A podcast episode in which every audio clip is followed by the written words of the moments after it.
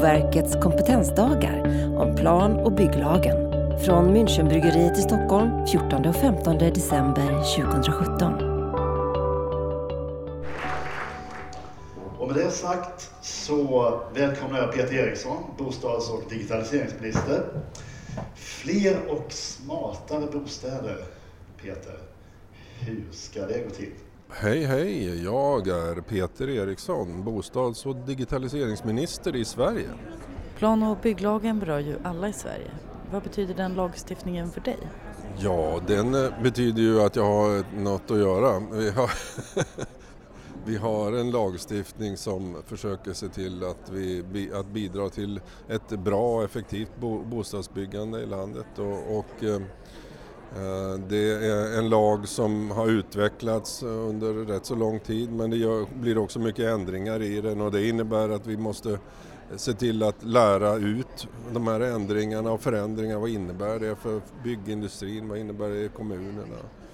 Så att, eh, ja, för mig innebär det mycket jobb.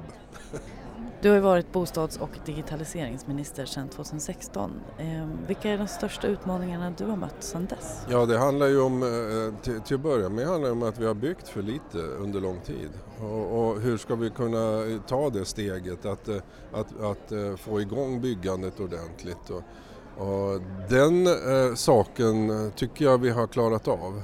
Men nu gäller det att hålla i det så att vi fortsätter eh, att, att bygga så att vi kan få bort eh, och minska bostadsbristen och möta den växande befolkningen som, som vi har i Sverige och det kommer att vara en utmaning för, under många år framöver.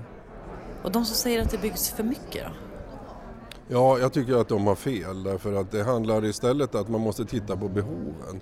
De människor som nu har, eh, behöver nya bostäder, ungdomar, nya inflyttade, barnfamiljer och andra som har svårt att komma in på bostadsmarknaden. Vi måste se till att vi möter dem och får fram bostäder till rimliga kostnader och planera på ett sätt så att de har möjlighet att få bostäder framöver. Mm. När du säger rimliga kostnader, menar du då kostnader från bostadsrätt eller menar du också att man ska bygga hyresrätter? Jag menar ju att man också ska bygga fler hyresrätter och, och, och särskilt i storstadsområdena är det väldigt viktigt därför att det är där vi har den största befolkningstillväxten och eh, kanske allra flest människor som kommer in och i, ha, har svårt att eh, ta fram flera miljoner kronor och köpa en bostadsrätt. När man pratar om bostäder och kollar på nyheterna är det mycket om Stockholm och sen kommer liksom de andra storstäderna. Om man breddar blicken och kollar på resten av Sverige, finns det någon stad eller kommun som är förebildsstad på något sätt när det kommer till att möta behovet av bostäder? Ja, det finns det. Det finns ett antal kommuner, ofta i den här storleken eh, 60 eh, till 150 000 invånare, den storleken, så finns det många som har jobbat mycket kreativt och, och, och aktivt för att möta behoven mer och också bygga billigare. Jag, jag, tycker Växjö är ett intressant, eh, en intressant kommun där man har eh, lärt sig att bygga mer i trä och skapa konkurrens och få med lokala mindre byggare också. Eh, Linköping har jobbat aktivt, Örebro och Uppsala har varit väldigt aktiva. Örebro så börjar man nu arbeta också med hyresrabatter för att få, just få ner eh, hyresnivåerna och det finns ju stora möjligheter till att, att sänka kostnaderna och hyresnivåerna när vi vet att vi har så låga räntor som vi har idag.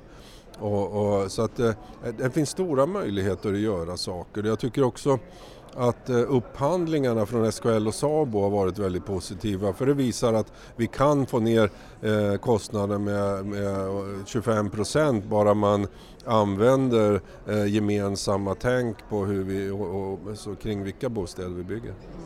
Du nämner trä nu och det gjorde du även när du stod på scen. Vad vinner man egentligen eh, med att jobba med trä? Ja, jag tycker att det är många saker. Jag tycker att det blir en, en, en, en bra eh, miljö. Människor trivs bra i, i trä och eh, det, det, blir också lägre kostnader. Man kan använda Ehm, trä i stommaterialet och det gör att man kan bygga industriellt lättare. Det blir ett, det är ett lättare material, väger mindre än betong och, och därför passar det bättre för det industriella byggandet också. Och, och, bygger vi industriellt får vi ner, inte bara ner kostnaden utan också ner byggfelen och gör det snabbare. Så att eh, det finns många fördelar med att utnyttja den, en modernare teknik. Om vi går över på den digitala biten, hur ser du på digital kompetensutveckling? Ja, digitaliseringen förändrar ju hela världen och, och transformerar samhället i en grad som vi knappt har varit med om eh, eh, i, tidigare och i en, in, också snabbare än tidigare. Vi, i, när industrialiseringen kom från jordbrukssamhället så tog det mycket längre tid. Digitaliseringen nu tar bara på några årtionden så förändrar det våra liv och vår vardag och hur vi producerar saker, vilka grejer vi använder och köper och hur vi lever. Så att eh, vi behöver få idag en kompetensutveckling i arbetslivet som finns närvarande hela tiden. För det kommer också vara så att jobben förändras och, och, och byts ut i väldigt snabb eh, takt. Och ska vi människor hänga med i det där så måste vi eh, bli mer vana vid att man utbildar sig och utvecklar sig eh, kontinuerligt istället för att se att man går en utbildning när man är ung och sen är man färdig med det. Just konkret när det handlar om bostäder och bostadsbyggandet, vad gör digitaliseringen med det arbetet?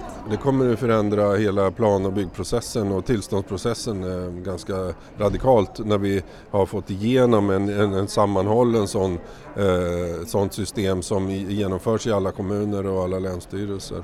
Så, och, och då får vi nya förutsättningar också att möta medborgare och företag på ett bättre sätt. Vad skulle du vilja åstadkomma fram till 2020 när det gäller byggandet av bostäder? Ja, mitt mål har hela tiden, mitt mål har hela tiden varit att vi ska bygga fler bostäder men äh, bra bostäder också så, som äh, är till sunda hus och, miljöer där människor känner att, att äh, de trivs och, och, och, kan vara stolta över det, den plats och den bostad de bor på. Tack! Har lyssnat på en podcast från Boverkets kompetensdagar om plan och bygglagen. Producerat av produktionsbolaget Munk.